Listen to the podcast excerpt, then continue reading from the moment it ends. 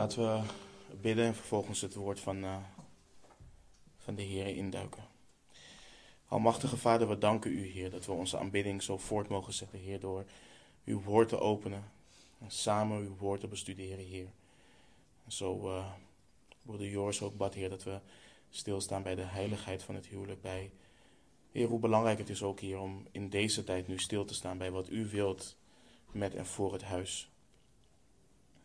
Heer, um, help ons, Heer, om met ontvankelijke harten te luisteren. En om niet alleen hoorders van uw woord te zijn, maar ook daders van uw woord. Zo rust ons toe, spreek door uw woord heen, Heer. En doe een bovennatuurlijk werk wat alleen u kunt. We danken u, we loven u, we prijzen u. In de naam van Christus Jezus onze Heer. Amen.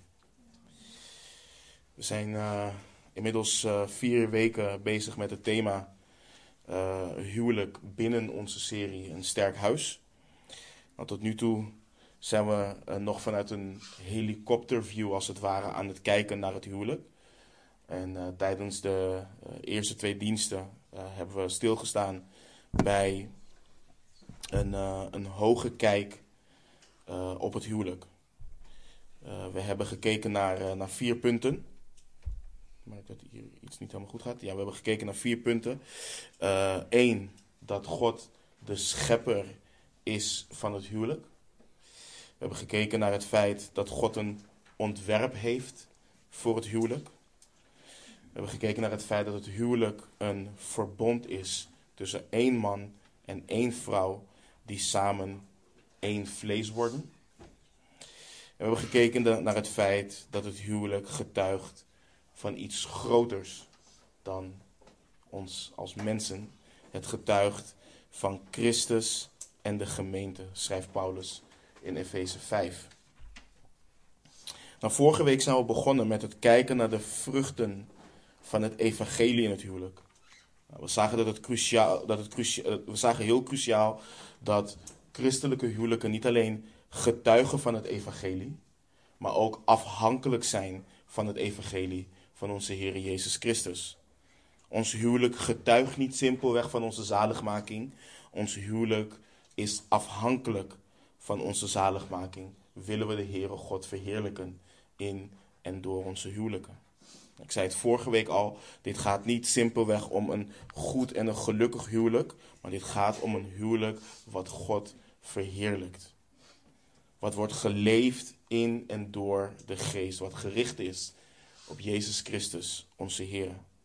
Wat zijn enkele vruchten die we vorige week zagen? We zagen vanuit Colossense 3, het evangelie brengt voort dat mensen zich bewust zijn van hun verleden, standvastig zijn in het heden en gericht zijn op wat er komt. Dus zij die met Christus opgewekt zijn, leven naar de realiteit dat hun oude ik gestorven is. Ze zijn gekruisigd met Christus. Zij leven niet meer, maar ze leven door het geloof in de Zoon van God. Zij die opgewekt zijn met Christus zijn standvastig in het heden. Ze volharden en wandelen in hun identiteit als discipel van de Heer Jezus Christus. Hun leven is verborgen met Christus in God, schreef Paulus. En zij die opgewekt zijn met Christus zijn gericht op wat er komt. Zij leven ook in hun huwelijk samen met een rijkhalsend verlangen naar de komst van de Heer Jezus Christus. Nou, wat laat dat zien? Het evangelie brengt mensen voort die gericht zijn op de dingen van boven. Niet op aardse en tijdelijke dingen. Zij verzamelen geen schatten op aarde waar mot en roest ze verderven en waar dieven inbreken en stelen, maar zij verzamelen hun schatten samen in de hemel waar geen mot of roest ze verderft en waar dieven niet inbreken of stelen. En dit houdt onder andere in dat als je in een huwelijk bent waarin je partner ook wedergeboren is, dat je samen in je huwelijk leeft ter bevordering van Gods koninkrijk. En als jij tot geloof gekomen bent in jouw huwelijk en je partner niet, dan ben jij degene die zo dient te leven. Jij dient dan het evangelie van Christus waardig te wandelen. Nou, wat, zag, wat zagen we nog meer vorige week? Het evangelie brengt mensen voor die actief bezig zijn met het doden, het afleggen van zonde in hun leven en het verlogenen van begeerten, van vleeselijke begeerten. We gaan zo de tekst weer, schrijven, uh, weer lezen. Maar Paulus schreef en begon in vers 5: Dood dan uw leden die op de aarde zijn. En daar kwam hij vervolgens met een lijst waar we bij hebben stilgestaan. En in vers 8 ging hij verder. Maar nu, legt ook u dit alles af. En we hebben stilgestaan bij deze punten in de vorige dienst. Nou, wat zagen we ook? We zagen ook dat het evangelie mensen voortbrengt die betrouwbaar zijn. Ze liegen niet tegen elkaar, ze horen niet tegen elkaar te liegen, ze spreken de waarheid tegen elkaar. Nou, wat zagen we nog meer? Waar bekleedt de nieuwe mens zich mee? Met genade. Met genade. En hoe uit dat zich? Schreef de apostel Paulus. Ontferming, vriendelijkheid, nederigheid, zachtmoedigheid, geduld.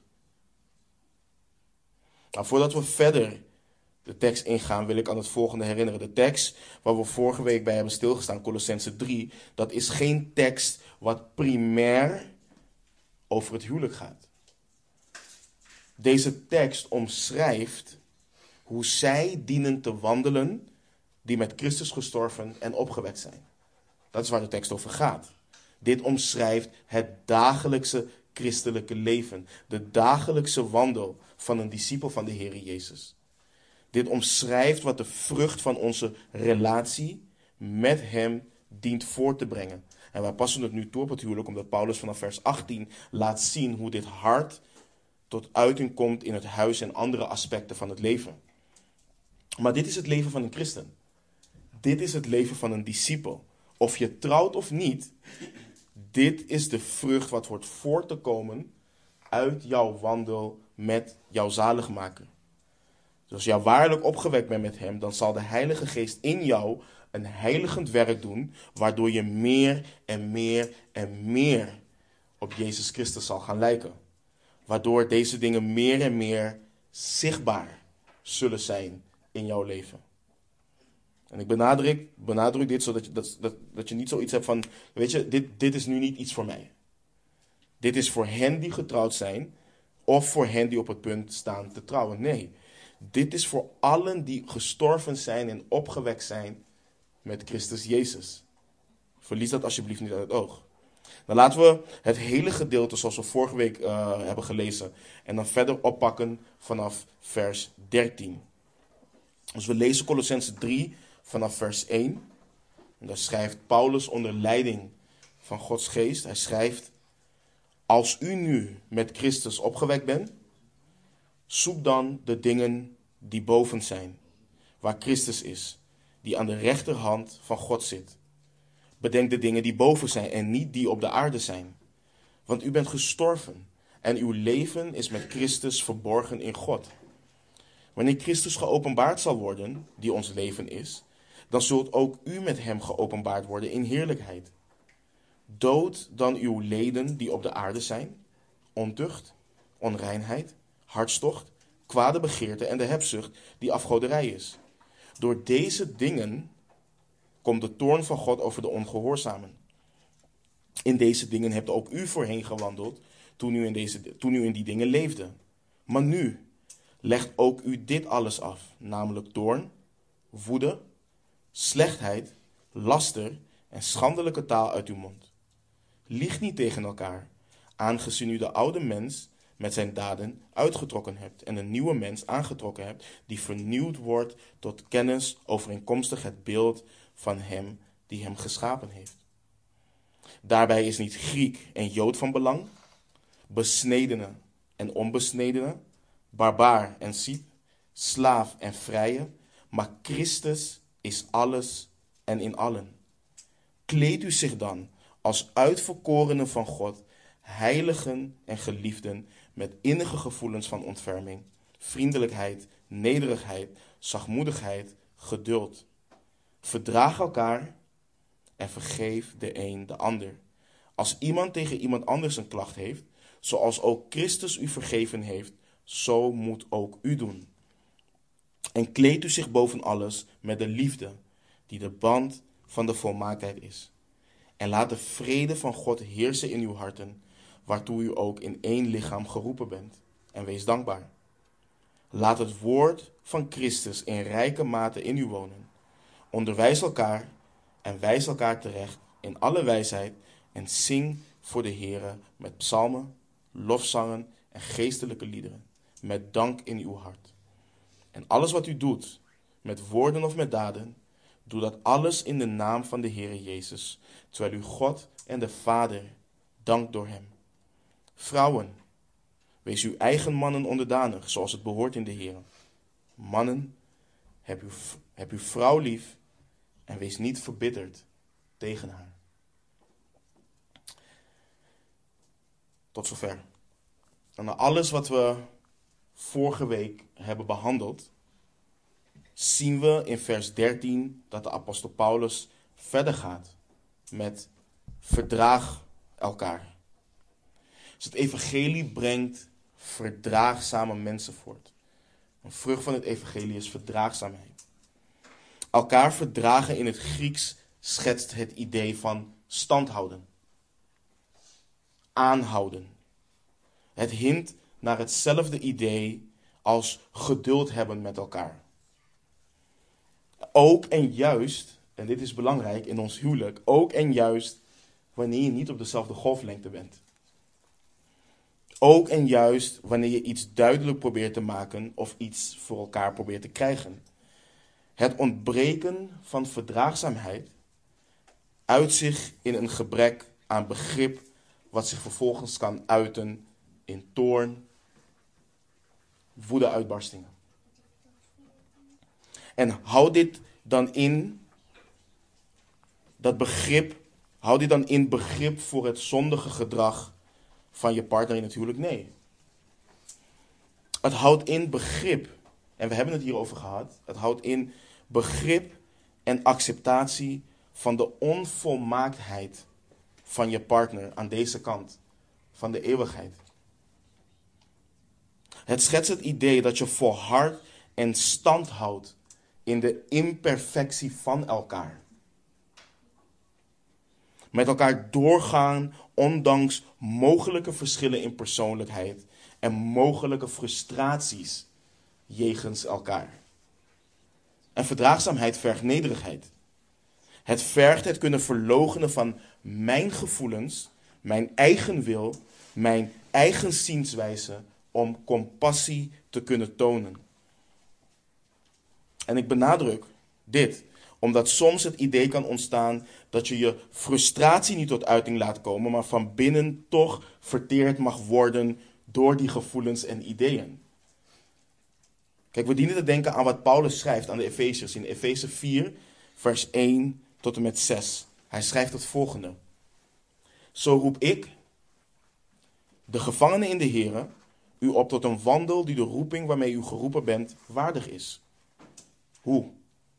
In alle nederigheid en zachtmoedigheid, met geduld, door elkaar in liefde te verdragen. En u te beijveren om de eenheid van de geest te bewaren door de band van de vrede. Eén lichaam en één geest, zoals u ook geroepen bent tot één hoop van uw roeping. Eén Heere, één geloof, één doop, één God en Vader van allen, die boven allen en door allen en in u allen is. Verdraagzaamheid is dus niet alleen niet boos worden en ervoor zorgen dat die frustratie niet tot uiting komt. Nee, het is het actief najagen, je actief beijveren om de eenheid te bewaren. De band van de vrede. En dit komt allemaal voort uit het besef hoe verdraagzaam de Heere met jou is. Hoe verdraagzaam de Heere met jou is. En ik ga dit blijven benoemen. Ieder punt. Ieder punt is onlosmakelijk verbonden aan wat wij zelf ontvangen, waarmee wij zelf worden gezegend in en door Christus. Ieder punt. Hoe verdraagzaam is de Heere God met jou? Hoe verdraagzaam is Hij met jou? Is Hij dat niet iedere dag? Is Hij dat niet van moment tot moment. En broeders en zusters, als wij de Heere God oprecht smeken, als wij Hem bidden en vragen om verdraagzaamheid, om verdraagzaam te zijn, dan zal Hij de nodige genade geven wat hiervoor nodig is. En het mooie hiervan is, vaak denken we dat verdraagzaamheid voortkomt uit perfectie. Nee, hij schrijft het juist omdat in een kerk heb je imperfecte mensen bij elkaar. In een huwelijk heb je twee zondige mensen onder de genade van Christus bij elkaar. En dan heb je verdraagzaamheid nodig. Dan heb je dat nodig. Dus een belangrijke vrucht van het evangelie in het huwelijk is dat het in de persoon opgewekt met Christus verdraagzaamheid voortbrengt. Nou, we blijven nog even bij vers 13. Paulus schrijft: En vergeef de een de ander. Als iemand tegen iemand anders een klacht heeft, zoals ook Christus u vergeven heeft, zo moet ook u doen. Ivan heeft hier afgelopen woensdag uh, bij stilgestaan samen met jullie. Dit ligt in het hart van het evangelie. Het evangelie van Jezus Christus brengt vergevingsgezindheid voor in een mens. Het Griekse woord voor vergeven, weet je wat zo prachtig is aan dit woord? Het Griekse woord genade is onlosmakelijk verbonden aan dit woord. Het zit in dat Griekse woord. Het zit erin verweven. En in het Grieks wordt het uh, als volgt gebruikt. Ik, ik betuig gunst aan. Ik toon gratie. Het spreekt ook van vriendelijkheid tonen. Het, wordt, het woord wordt gebruikt als God zijn genade geeft om te vergeven. En dit wordt vrijwillig gedaan en is daarom niet gebaseerd op enige verdiensten van degene die vergeving ontvangt. We weten dit theoretisch, weten we dit allemaal zo goed. We weten het allemaal zo goed. En ik heb hier in het tweede deel van een hoge kijk op het huwelijk ook uitgebreid bij stilgestaan, maar de, de tekst dwingt om het weer te doen. Lieve broeders en zusters, jij, als jij opgewekt bent met Christus, heeft de Heere God jou immense en bovennatuurlijke genade getoond. Dat heeft Hij gedaan. En wat een vrede brengt dit voor onze ziel.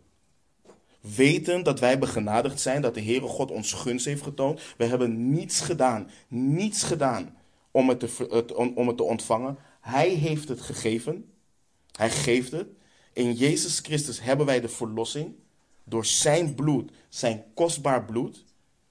Paulus schrijft in Efeze 1 namelijk de vergeving van de overtredingen, overeenkomstig de rijkdom van zijn genade. God heeft ons vergeven. Hij heeft ons vergeven. Dat is de realiteit. Als wij opgewekt zijn met Christus, zijn wij vergeven. David schrijft over de Heere God in Psalm 86, vers 5. U, Heere, bent immers goed. Mild om te vergeven en rijk aan goede tierenheid voor allen die u aanroepen. In Psalm 103, vers 12 schrijft David: Zo ver het oosten is van het westen, zo ver heeft hij onze overtredingen van ons gedaan.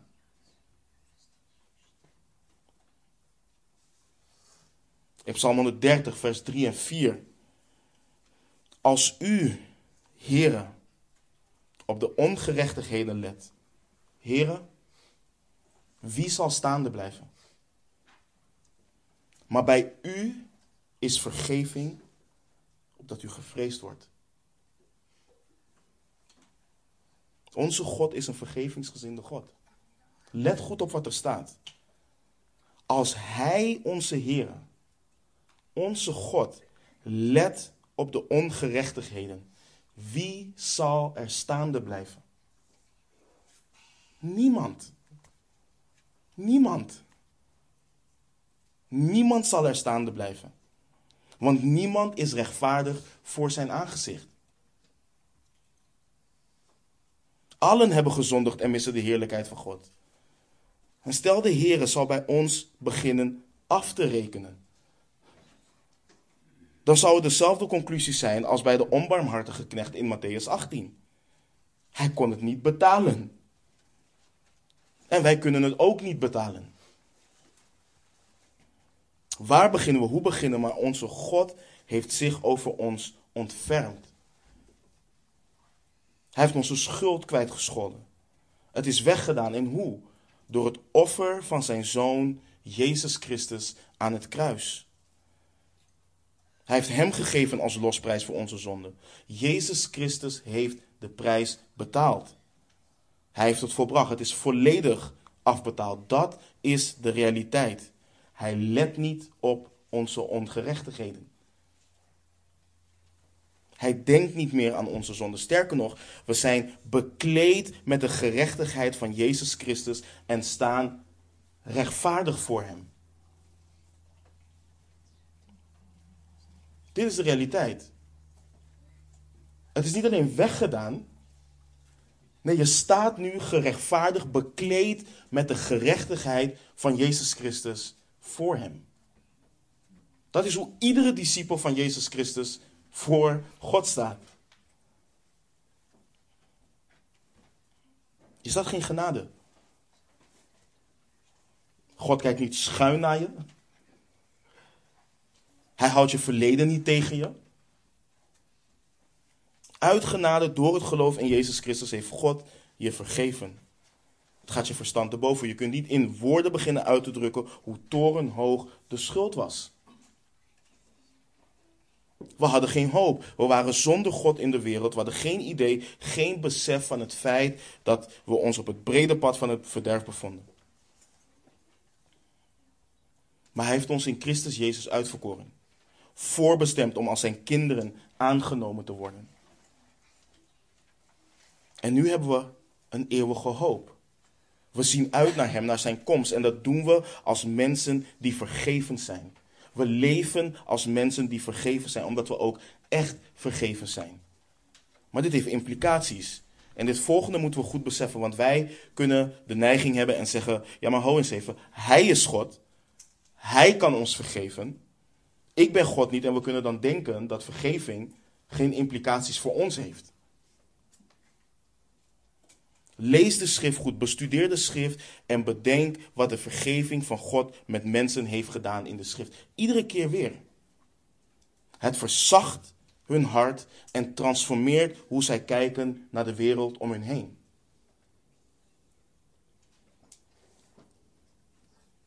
En het volgende gelijk erbij zeggen. Dit verzachte hart en dit nieuwe wereldbeeld houdt niet in dat we geen afkeer hebben van de zonde van anderen. Het houdt niet in dat we anderen niet confronteren en wijzen op hun zonde. Maar het betekent het volgende. Kijk, toen ik nog niet gegrepen was door Christus, was mijn vlees mijn Heer en Meester. Dat is zo voor iedere discipel van de Heer Jezus. Wat wij voelden, wat wij wilden, wat wij dachten, dat is wat wij deden. Dat geldt voor ieder mens die niet in Christus was. De mens denkt dat ze vrij zijn en vrije wil heeft. Maar de enige vrije wil die je hebt buiten Christus als ongelovige is om te kiezen hoe je jezelf gaat behagen vandaag. Dat is de keuze die je hebt. Jij bent jouw eigen standaard. Jij bepaalt zelf wat goed of fout is. Jij bepaalt zelf of iemand iets wel of niet verdient. En dat is het verschil met de wedergeboren christen. De wedergeboren christen is vrijgemaakt als slaaf van de zonde. Die dient niet meer zijn eigen vlees, maar kruisigt zijn eigen vlees en luistert naar zijn nieuwe Heer. Dat is het verschil. Hij onderschikt zich aan de geest van God, leeft en wandelt door de geest van God en door het geloof in Jezus Christus zijn Heer behaagt hij God. Dat is wat de wedergeboren discipel doet. En omdat hij opgewekt is met Christus en zich bewust is van het verleden, wordt de wedergeboren, uh, wedergeboren discipel iedere dag herinnerd aan de vergeving die hem ten deel is gevallen. En wat betekent dit praktisch? Praktisch, als iemand tegen iemand anders een klacht heeft, zoals ook Christus u vergeven heeft, zo moet ook u doen. Dat is praktisch. En dan kunnen wij, maar Paulus, volgens mij begrijp je niet waar ik mij in bevind. Iedere keer zegt mijn partner dat hij of zij gaat veranderen. Ik heb mijn partner al tig keer moeten vergeven voor hetzelfde. Hij of zij verandert maar niet. Laten we net niet, als u, heren, op de ongerechtigheden let. Heren, wie zal staande blijven? Maar wij zijn goed als mensen op het letten van de ongerechtigheden van de mensen om ons heen. Koningen zijn we daarin. Want zonde staat een ander altijd beter dan bij jezelf.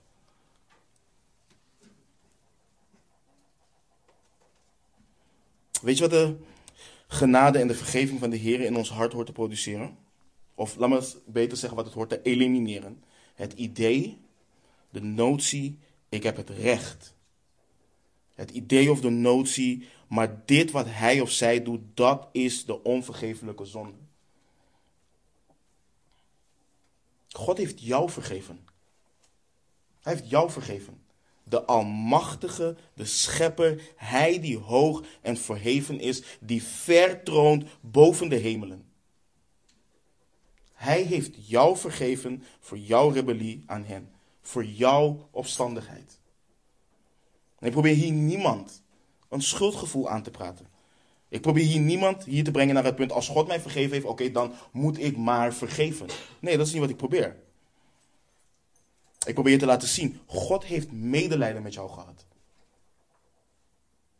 Hij heeft medelijden met jou gehad. In al zijn heiligheid, in al zijn rechtvaardigheid. Hij heeft medelijden met jou gehad. Hij heeft je gunst getoond.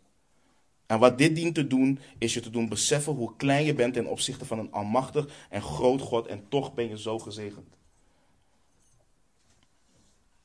Toch ben je zo begenadigd. En nu, kijk dan naar je partner. In al zijn of haar onvolmaaktheid. Kijk naar je partner. Jij die de geest van God in je hebt, zou je Gods genade dan niet doorgeven? Wat je zelf hebt ontvangen?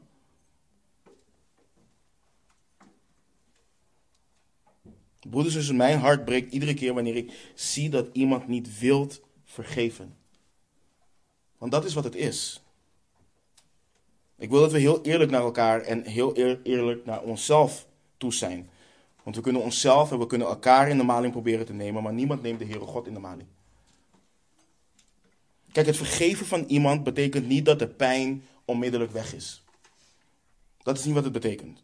Het vergeven van iemand betekent niet dat er wellicht nog gedeeld moet worden met de consequenties van de acties van de ander. Dat verdwijnt niet als sneeuw voor de zon wanneer het aankomt, om, aankomt op vergeving tussen twee mensen. Maar wat we wel moeten zien is dit. De christen die niet vergeeft, doet het niet omdat hij of zij het niet kan, maar omdat hij of zij het niet wilt. Dit is een strijd tegen het vlees. Dat is wat dit is. Een strijd tegen het vlees. Het niet willen vergeven komt voort uit bitterheid. Het komt voort uit wrok. Het komt voort uit woede. Het komt voort uit hoogmoed. Ja, maar weet je wel wat mij aangedaan is? Dat is bitterheid, dat is wrok. Dat is hoogmoed. Maar dit zijn de dingen waarvan de schrift ons leert dat we die dienen af te leggen. We dienen die af te leggen. En ja, het is een geestelijke strijd van je welste om deze dingen af te leggen. Het is een geestelijke strijd. Want je worstelt met allerlei gedachten. Allerlei subtiele leugens die je moet verlogenen. Echt. Dat is gewoon zo. Daar heeft ieder mens mee te maken. En voor sommigen kan het lijken alsof de apostel Paulus zegt: Ik wil niks horen, je moet gewoon vergeven. Maar dat is niet wat de apostel Paulus doet. Paulus wijst naar zoiets krachtigs in die zin. En vergeef de een de ander als iemand tegen iemand anders een klacht heeft, zoals ook Christus u vergeven heeft, zo moet ook u doen. Voor de apostel Paulus is het antwoord niet: ga naar een psycholoog. Voor de apostel Paulus is het niet dat. Voor de apostel Paulus is Jezus Christus en zijn evangelie het antwoord op onderlinge relaties die door moeilijkheden gaan. Dat is het antwoord. Nog een keer. Als iemand tegen iemand anders een klacht heeft, zoals ook Christus u vergeven heeft, zo moet ook u doen. Wat doet Paulus? Paulus wijst naar het kruis. Daar wijst Paulus naar. Paulus wijst en zegt: Kijk hoe jij vergeven bent. Kijk door wie jij vergeven bent. Kijk en zie waarvoor je vergeven bent. En al die verwijzingen dienen het hart te verzachten. Bitterheid, wrok, woede en toorn, hoogmoed weg te nemen.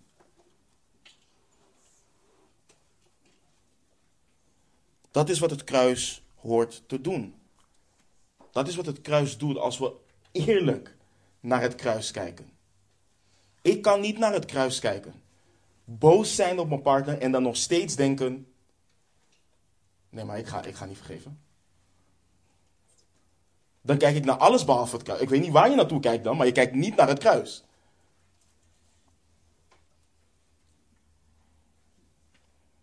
Nu wil ik kort bij het volgende stilstaan voordat we doorgaan naar het volgende punt. Wanneer wij praten over vergeving in de kerk, gaat het gesprek op de een of andere manier vaak naar het vergeven van onze ongelovige naasten. Ook op het gebied van verdraagzaamheid. We willen vaak daar laten zien dat we vergevingsgezind en verdraagzaam zijn. Broeders en zusters, Paulus spreekt hier in de context van de kerk. Dat is waar Colossense 3 over gaat. Hij spreekt tegen christenen. Vergeet dat nooit. Ik,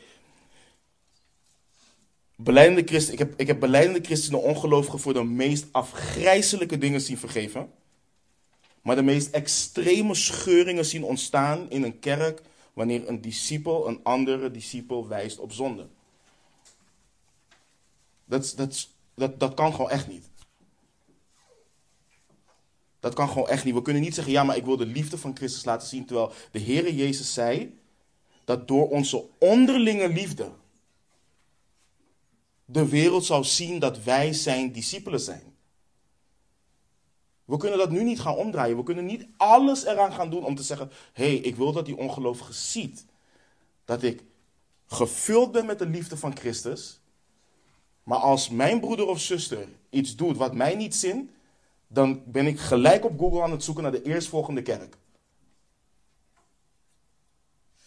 Hoe?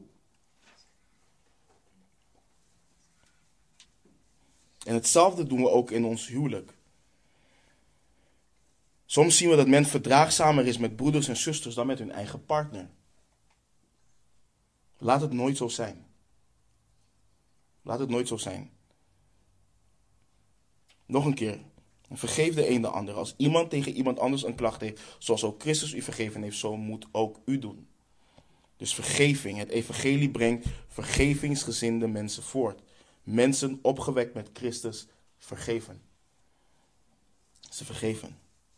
En wat schrijft de apostel Paulus nog meer? Hij schrijft in vers 14. En kleed u zich boven alles met de liefde die de band van de volmaaktheid is. Een onmisbare vrucht van het evangelie is liefde. Liefde brengt alle vruchten die we hebben gezien en besproken bij elkaar.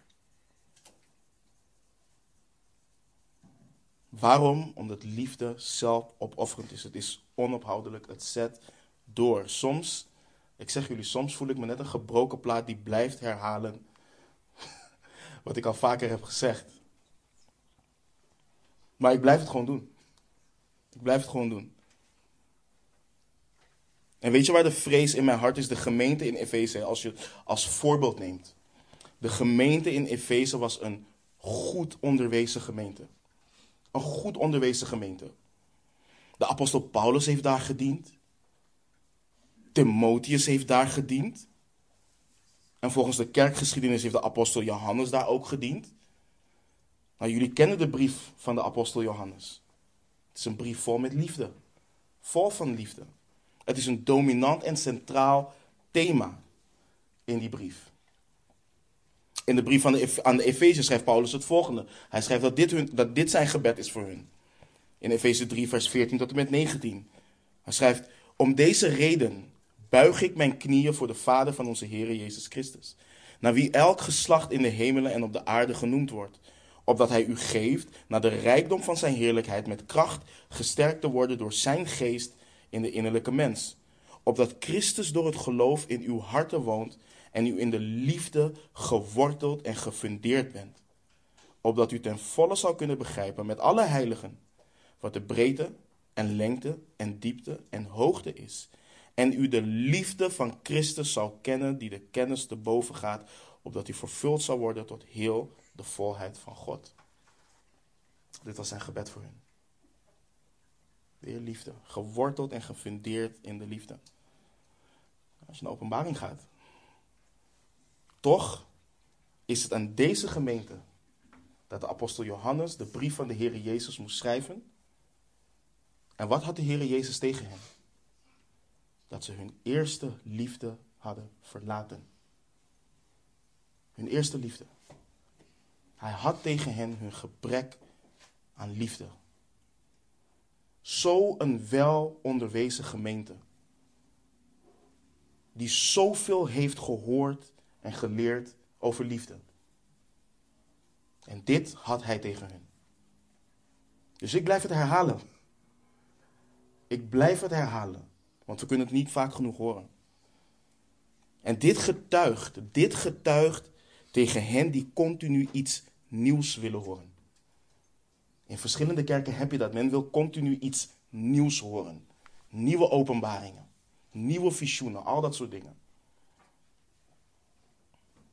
Ons arglistig hart laat zien dat we niet eens de dingen gehoorzamen waarmee we herhaaldelijk worden geconfronteerd. Laat staan dat we zouden gaan wandelen in zogenaamde nieuwe openbaringen. Nee, broeders en zusters, in de kern van dit leven wat wij leven ligt liefde. Bovennatuurlijke liefde, goddelijke liefde. Liefde wat denkt, spreekt en zoekt en handelt naar wat goed is voor de ander. Het bouwt op, het bemoedigt, het spoort aan, het wijst terecht, het vermaant en alles tot eer en glorie van de levende God. Broeders en zusters, wat is het grootste gebod?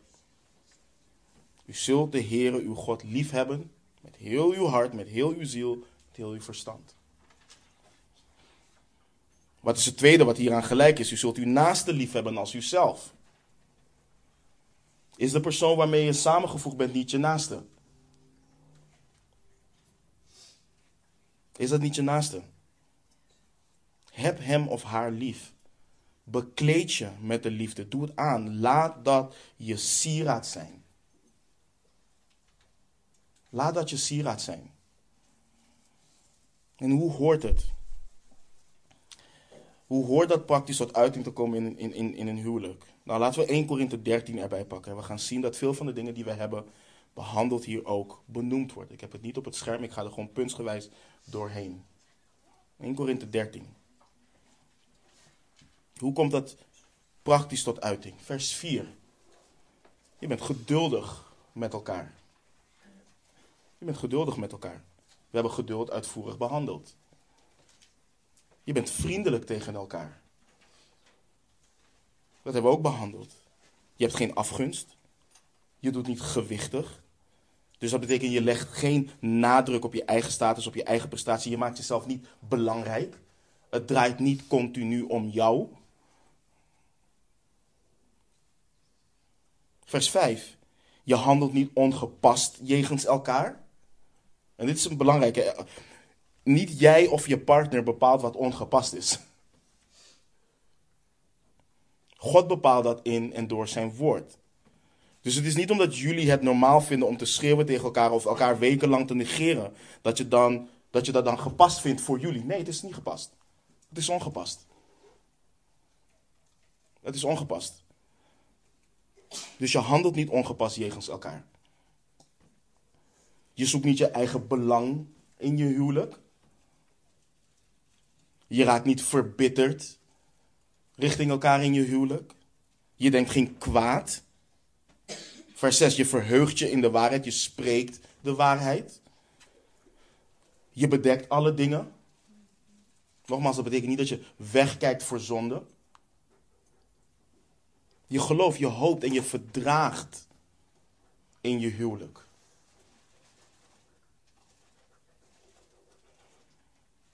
Nu kun je zeggen, ik vind het moeilijk om mijn partner lief te hebben. Ik krijg er niets voor terug, hij of zij verdient het niet. Bekeer je en maak God geen leugenaar. Liefde is vrucht van de geest. Het is vrucht van de geest. De liefde van God is uitgestort in onze harten door de Heilige Geest die ons gegeven is.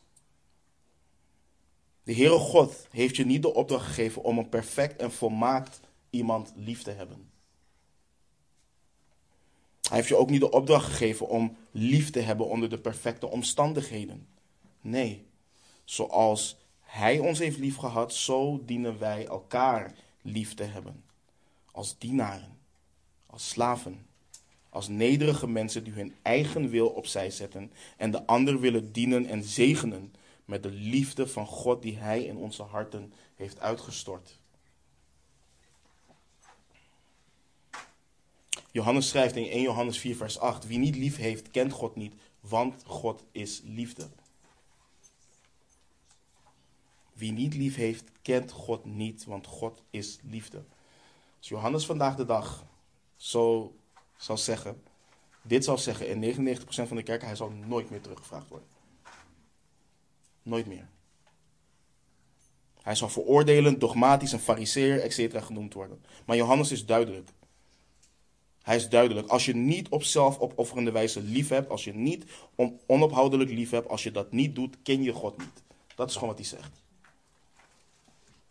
Waarom niet? Want God is liefde. God is liefde. Wie God heeft leren kennen in en door Jezus Christus heeft lief. Dat is wat Johannes schrijft. En dit gaat niet primair over gevoel. Iedere keer, en dit, en dit, is, dit is prachtig. Hè? Kijk, iedere keer wanneer ik met een koppel zit, eh, bijvoorbeeld in huwelijksproblemen, stel ik de vraag: houden jullie van elkaar? Houden jullie van elkaar? Hebben jullie elkaar, op, hebben jullie elkaar lief? En op dat moment zie je vaak hoe de wereldse vorm en definitie van liefde heerst in de gedachten. Ook van christenen. Want mijn vraag is niet, voel je warme gevoelens voor elkaar? Dat is de vraag niet. Mijn vraag is niet, wat voel je voor de ander wanneer alles goed is? Nee, mijn vraag is, ben je geduldig met elkaar? Zoals we net in 1 Korinthe 13 zagen. Ben je geduldig met elkaar? Ben je vriendelijk tegen elkaar? Zoek je het belang van je partner in je huwelijk? Ook te midden van conflict. Ontferm je je over je partner? Heb je medelijden met de staat van je partner? We hebben het gehad over de noden voor je eigen heiligheid, voor je eigen heiliging in je huwelijk. Maar ook voor de noden van de heiliging van je partner in het huwelijk. We weten dat wanneer hij geopenbaard zal worden, dat wij in heerlijkheid met hem geopenbaard zullen worden. Dat wij gelijk aan hem zullen zijn. Maar dat is nu niet zo. En dat, is, dat geldt dus ook niet, dat geldt ook voor je partner. Toon je zachtmoedigheid. Blijf je stand houden en ga je voor de ander onophoudelijk, onvoorwaardelijk, zelf opofferend. Vergeef je de ander ook wanneer hij of zij het verschrikkelijk heeft verknald. Dat is hoe wij christenen die vraag dienen te zien. En het antwoord is op dat moment natuurlijk nee, want anders zat je daar niet met elkaar. Maar de vraag is nu wel dit. Ga je de Heere God gehoorzamen en dit doen?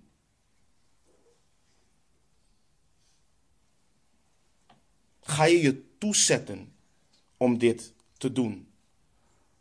En ook al verandert er de komende 2, 5, 10 jaar helemaal niets. Ga je het dan ook doen?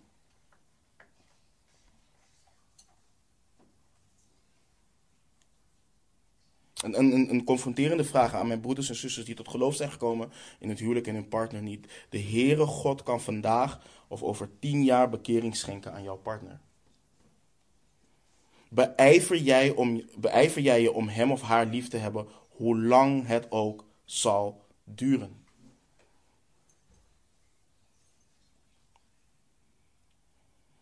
Het is niet het geloof van jouw partner wat dit mogelijk maakt. Het is, de werk, het is het werk van de geest door de opwekking met, met Christus wat dit mogelijk maakt. Gods liefde, eh, Gods liefde voor jou was niet afhankelijk van jou. Hij koos ervoor om jou lief te hebben.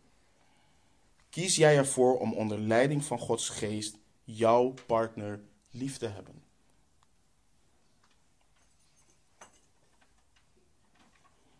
Dus liefde. Liefde is een vrucht van het evangelie in het huwelijk van christenen. Wat produceert het evangelie nog meer? Door vrede gedreven mensen. Let op vers 15. En laat de vrede van God heersen in uw harten, waartoe u ook in één lichaam geroepen bent. En wees dankbaar. Laat de vrede van God heersen in uw harten. Wat bedoelde apostel Paulus daarmee? Het woord heersen komt alleen hiervoor in het Nieuwe Testament. En de letterlijke definitie is om als scheidsrechter op te treden. Om als scheidsrechter op te treden. Laat het als een scheidsrechter de beslissing maken. Het maken van een beslissing in een conflict tussen strijdende krachten. Denk daaraan. In een conflict tussen jou en je partner hoort de vrede van God de beslissende factor te zijn. Voor wat er vervolgens gaat gebeuren. De vrede van God dient de laatste beslissing te hebben. De vrede van God dient het laatste woord te hebben. Weet je hoe krachtig het is wanneer je hieraan denkt te midden van een conflict? Nee, niet mijn wil. Niet mijn wil. Niet mijn recht. Niet mijn gevoel. Niet mijn ego. Nee, de vrede van God. De vrede van God. En broeders en zussen, soms denken, dat, dat, denken we dat in een conflict, wanneer ons eigen ego, onze eigen wil, ons eigen recht, wanneer daaraan tegemoet gekomen wordt, dat we dan vrede zullen hebben. Maar dat brengt geen vrede. Dat brengt helemaal geen vrede. Ik vind het ook mooi wanneer de apostel Paulus de Corinthiërs aanspreekt op het feit dat ze elkaar voor de rechter slepen. Zij denken dat wanneer zij de rechtszaak winnen, zij op dat moment ook echt de winnaars zijn. Maar Paulus zegt in 1 Korinthe 6 vers 7, er is al volledig verlies onder jullie. Er is al volledig verlies. Waarom leidt u niet liever onrecht? Waarom laat u zich liever niet benadelen?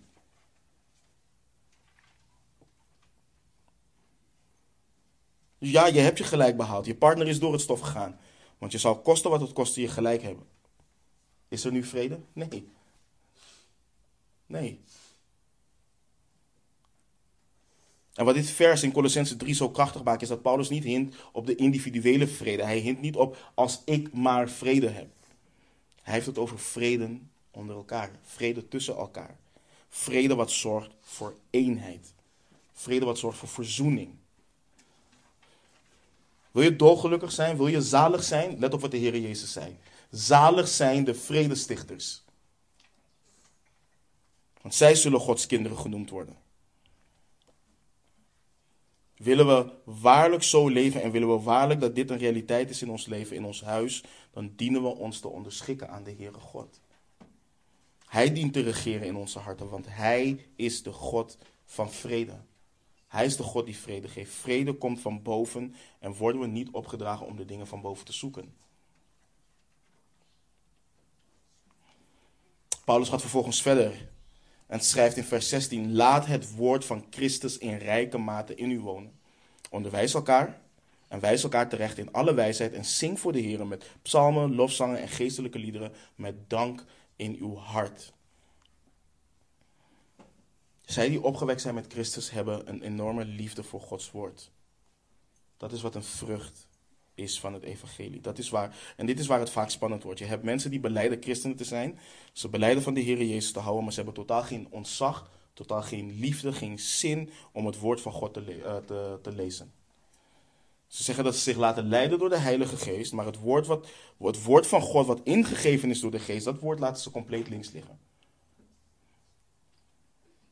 Broeders en zusters, als het woord van de Heere God niet gezaghebbend is in je huis, en daarmee bedoel ik niet zo simpelweg theologisch beamen, ja, het woord van God is gezaghebbend, Maar als dat jouw denken, jouw spreken, jouw handelen niet vormt, dan zul je vroeg of laat de gevolgen daarvan zien in je huwelijk. Vroeg of laat ga je het zien. En als je kinderen hebt, ga je de gevolgen daarvan ook bij je kinderen zien. Je kunt je liefde voor de Heere God niet scheiden van je liefde voor zijn woord. Hij heeft zichzelf in zijn wil geopenbaard in en door zijn woord. Hij maakt het niet alleen duidelijk voor jou als individu, hij maakt het ook duidelijk voor jouw huwelijk. Daarom is het belangrijk, essentieel, dat een man en vrouw, wanneer ze beide geloven, dat ze samen de schrift ingaan, dat ze samen praten over het woord van God, dat ze hun levens toetsen, situaties plaatsen in het licht van Gods woord. En dat het woord van God in hun allebei woont om te vormen hoe ze met elkaar omgaan en hoe ze naar elkaar kijken. Prachtig is, er kunnen dingen bij mij op kantoor komen. Ik kom thuis, ik deel het met mijn vrouw, zeg: Jules, luister, je hebt niet goed gehandeld. Dit is wat het woord van God hierover zegt. Maar als je dat niet hebt, gaat je partner zeggen: Nee, je hebt goed gehandeld, doe het weer. Volgende keer moet je ze weer laten zien. En dan ben je strijdlustig samen. Maar als je vrouw of als je man, als het woord van Christus in rijke mate in hen woont, dan confronteren ze je gewoon. Hé, hey, nee, dit is wat het woord van God zegt. Dit is hoe je hierin dient te handelen. En ik wil jullie herinneren aan het feit dat wanneer Paulus het heeft over het hart, dat het niet gaat om onze gevoelens. Paulus heeft het hier over onze gedachten. Het woord van Christus moet in rijke mate in je gedachten wonen. Dit leidt tot het leiden van een leving in onderwerping en aanbidding. Dus het evangelie van Christus produceert mensen die een liefde hebben voor het woord van God. Mensen die bestuderen, die mediteren op het woord en het woord gezag heeft over hun leven en daarmee dus ook hun huwelijk. Ik zeg jullie, broeders en zusters, als voor, de, voor zij die nog niet getrouwd zijn, Weet je, iemand komt naar je toe en zegt van ja, nee, ik hou ook van God. Ik ben een christen en noem maar op. Maar ze zeggen tegen je nee, ik lees het woord van God niet. Ik, ik, ik, ik, ik, ik, ik heb geen tijd ervoor en al dat soort dingen. Je hebt niks met die persoon te zoeken. Niks. Loop met een boog om ze heen. Nu, broeders en zusters. Dit brengt ons bij de versen die we niet vandaag gaan behandelen, maar de komende weken. Maar pas het is belangrijk, pas wanneer Paulus deze dingen zo uiteen heeft gezet. Pas wanneer hij heeft gezegd, dit, dit is hoe je dagelijks als discipel hoort te wandelen. Dit is wat in jou hoort te leven als christen. Als je opgewekt bent met Christus, dan pas. Dan pas komt hij bij vers 18 en 19 en staat er: Vrouwen, Wees uw eigen mannen onderdanig zoals het behoort in de Heer. Mannen, heb uw vrouw lief en wees niet verbitterd tegen haar. Hij doet hetzelfde in Efeze 5. Wanneer al die dingen zijn gezegd. Dus luister, kijk, de, de geboden in vers 18 en 19 en ook wat er in Efeze 5 staat aangaande dit onderwerp, ze zullen slechts een raamwerk zijn als het bovenstaande niet aanwezig is en niet wordt nagejaagd in je leven. Kijk, en dit willen mensen vaak. Zeg me wat ik moet doen in deze situatie. Zeg me gewoon praktisch wat ik moet doen. Ook met kinderen. Wat in dit geval, wat in dat geval. En men waardeert het niet altijd wanneer je zegt: je moet dealen met die woede van je. Dat is wat je moet doen. Je moet dealen met je vrees voor mensen. Dat is wat je moet doen. Je moet je bekeren hiervan. Ook bijvoorbeeld wanneer singles zeggen en, en, en zeggen: Ja, maar ik verlang ernaar om te trouwen. Ik verlang naar een man of een vrouw. En ik zeg dir: richt je op Christus, richt je op Hem. Waarom? Want als dit verlangen zo in je brandt, dat je denkt dat je niet compleet bent zonder partner, terwijl je zo'n groot genade ten deel is gevallen, dan zul je ook niet tevreden zijn wanneer je een partner hebt. Want menselijk gezien, menselijk gezien ontbreekt er altijd iets in ons leven. Menselijk gezien ontbreekt er altijd iets. En dan moeten we komen naar wat Paulus aan de Filippenzen schreef. Dat hij heeft geleerd om in alles tevreden te zijn. In alles. Dus kan ik dankbaar zijn, kan ik tevreden zijn, kan ik heilig leven als die dingen er niet zijn. Dat is waarmee we moeten dealen. Ons hart dient gevormd te worden en we dienen te leven in en door wat er voortvloeit uit het evangelie van Jezus Christus. Als dat het niet is, dan zijn dit allemaal op zichzelf staande regels, regels, die een juk voor je zullen zijn. Ze zullen een juk voor je zijn. Ze zullen geen vreugde brengen. Ze zullen geen vrede brengen. Wanneer wij, wanneer ons bewust zijn van het evangelie van Jezus Christus, ons richten op de genade gevonden in Hem, en ons hart daardoor van moment tot moment getransformeerd zal worden, dan zul je ook in je huwelijk de kracht van Gods evangelie gaan zien. Dus het, kijk, het evangelie geeft niet alleen leven, nieuw leven, om ons vervolgens hetzelfde te laten. Door het werk van de Heilige Geest in ons zullen we vrucht dragen en zullen we kunnen leven tot eer en glorie van onze zaligmaker. Ook in ons huwelijk. Of we nou jong zijn in ons geloof of twintig jaar met de Here wandelen. Wij hebben zijn transformerende genade in ons nodig om alles wat we doen, zij het met woorden of met daden, om dat alles te doen in de naam van de Heere Jezus. Amen. Laten we bidden. Vader, danken u Heer dat u zo goed voor ons bent, Heer. We danken u dat u, Heer, heel duidelijk laat zien in uw woord hoe het leven van een wedergeboren discipel eruit hoort te zien. We danken u, Heer, dat u laat zien wat voor transformerend werk uw geest in ons doet, Heer. En we zijn u zo dankbaar, Heer, dat wij dit niet zelf voortbrengen, maar dat u dit in ons doet.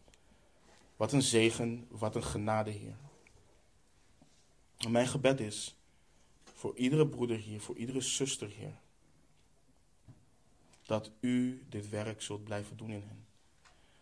Dat u de kracht en de genade geeft om ons te onderschikken, om ons te onderwerpen aan uw welbehagelijke en uw volmaakte wil. Heer, want uw wil is goed. Het is goed. Wat u met en voor ons wilt is goed, Heer. En ik bid voor een ieder dat we dat, zullen, dat we dat nooit uit het oog zullen verliezen, Heer. Mogen deze vruchten zichtbaar zijn in ons leven. Mogen wij deze dingen nooit gaan benaderen en zien als losse regels die wij gaan proberen voor te brengen in ons leven om u te behagen. Maar mogen wij leven in geloof in onze Heer Jezus Christus. In onderwerping aan Hem, in, in liefde voor Hem. En dat U, Vader, ons snoeit en dit werk in ons voortbrengt, Heer. Heer, we danken U. Zegen alstublieft alle huwelijken. Zegen hen onder ons die nog niet getrouwd zijn. Bereid hen voor op wat u voor hen heeft, Heer. En mogen ook dat een zegen zijn. Voor de wereld, voor de kerk. En uw naam hier op aarde verheerlijken. We houden van u, we danken u. In de machtige naam van Christus Jezus onze Heer. Amen.